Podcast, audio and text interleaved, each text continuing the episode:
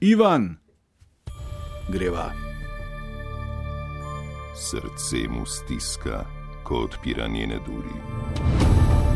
Lahko da je zadnjič. Eno, ampak ne moreš to veter dati.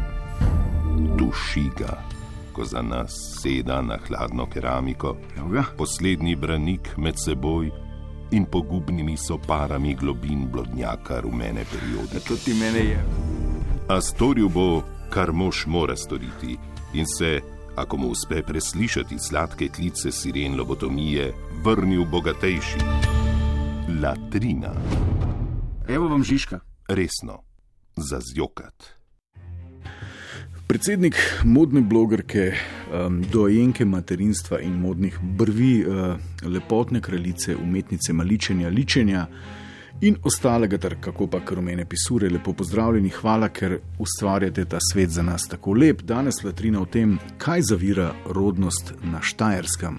O pisurjem pravnem redu, o frizerskem pravosodju, o specializiranih rumenih tožibabah eh, oziroma poklicnih špeckahlah, začnemo pa pri samem začetku in sicer o čudni, bizarni, suicidalni praksi, ki smo ji nasledu, ki smo ji nasledi na Štajerskem.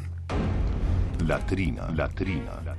Zna biti, da se bliža konec sveta. Poslušajte tole. Eden in edini slovenski znavček je ob novici, da ima pravega imitatorja, ostal brez besed, kar se mu le redko zgodi. Tadej Merčnik me tako dobro imitira, da sem na začetku mislil, da sem na fotografijah in na posnetku res jaz. Konc sveta tega ne štekam, da si čisten ok, čisten normalen tadej štajerski, ampak ne, ti bi bil raje največji kreten rodne grude. Ne razumem, ajde Jan Plestenjak ali pa Janez Janša, ampak Murko, temu se reče samomor z identiteto.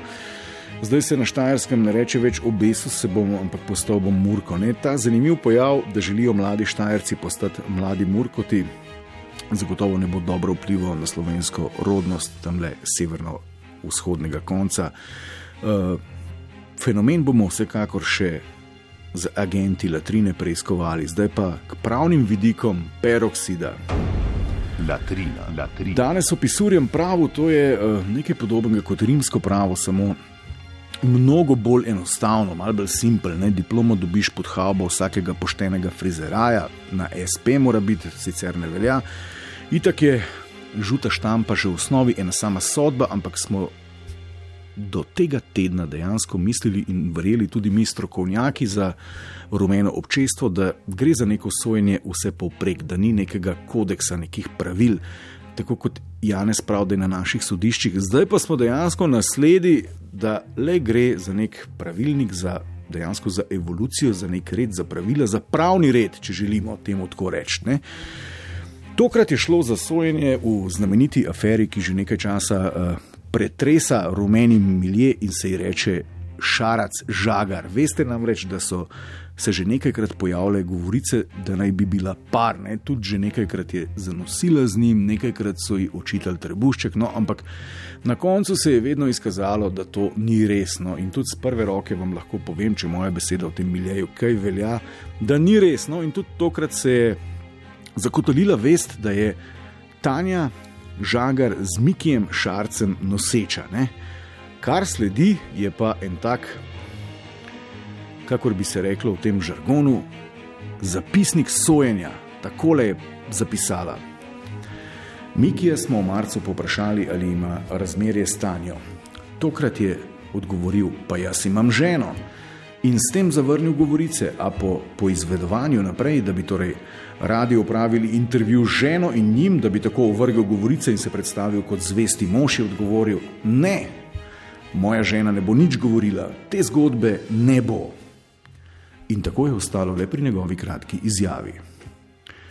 In ja, ne, uh, že iz tega zapisnika je razvidno, da je Miki kriv, ne, ker 13. člen prešuštvenega zakonika Pisurjega prava Republike Rumenije pravi takole. Kriv je tisti, ki po sproženih govoricah, da je varal ženo z intervjujem, ne ovrže suma in slikovnim gradivom dimenzije te pa te nasmeškom, pri katerih je videti vsaj šest zob zakoncev, ne dokaže in se ne predstavi kot zvest mož. Evo nekaj med, dejansko med crkvenim, torej kanonskim in šeriatskim pravom. Bravo, pisure! Latrina, latrina. In nadaljujemo s pisurjem pravom, zdaj pa ker gre pri pisurjem pravu in pri pisurji pravni paradržavi za kompleksen organizem. Obstajajo seveda tudi preiskovalni organi, specializirane toživke in detektivke. Ti dve vlogi sta pri pisurjem pravosodju združeni, ki pač zbirajo dokaze in pišejo obtožnice v imenu frizure.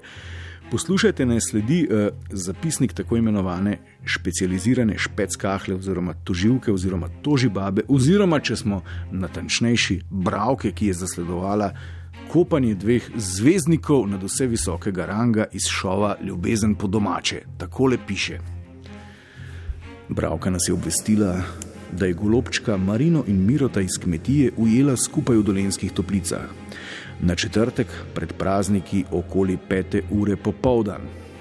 Ne, kada bi bral nek zapisnik, zdaj pa sledi še poročilo o početju, vedenju, iz katerega je mogoče sklepati marsikaj in seveda sodnik na podlagi tega lahko tudi presodi, ali je vedenje sporno ali ne. Takole nadaljuje.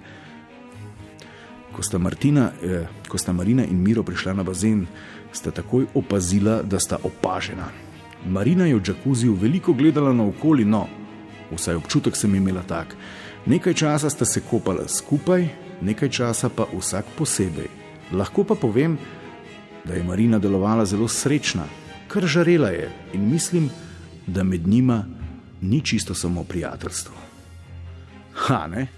Maci si slišal, nekaj časa sta se kopala skupaj, nekaj časa vsak posebej, in jasno se je videlo, da je Marina kar žarela. No, evo, takole zveni predkazenski postopek, če se bosta obtožena, še ne vemo, ali tega, da sta se kopala vsak posebej, ali da sta par, to bo pokazala prihodnost.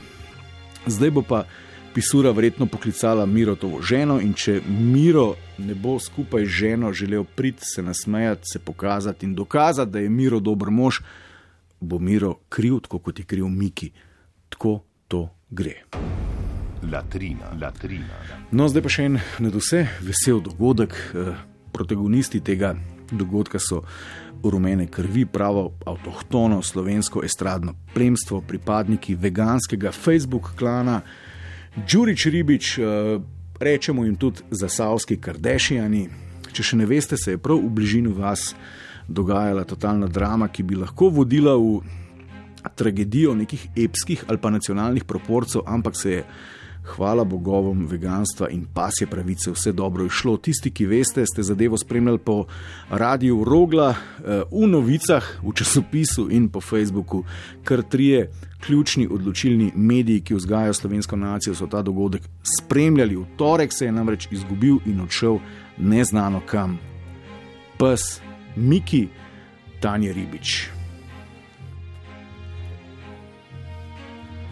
Ki je lani uslepel ta isti pes eh, in spregledal, in tole je zapisnik o iskanju.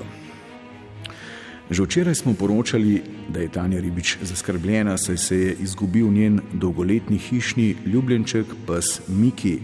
Star je že 15 let, nekoliko slabo sliši in vidi, na zadnje so ga videli na Štajerskem ob Ponikvi pri Šentjurju, danes pa ne bi bil opažen v okolici slovenskih konic.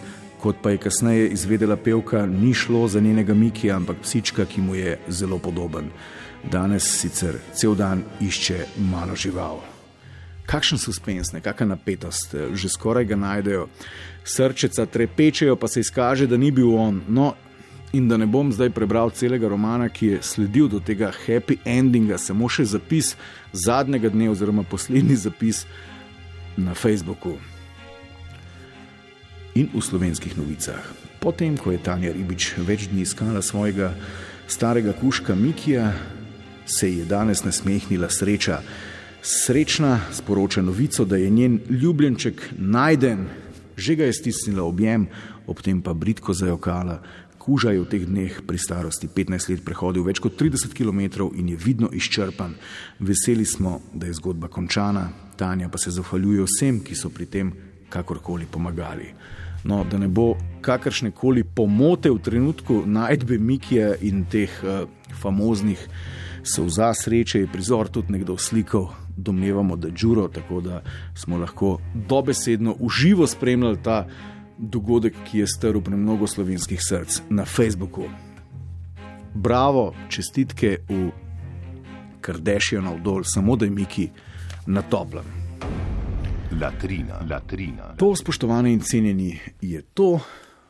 Latrino dobite tudi na iTunesih,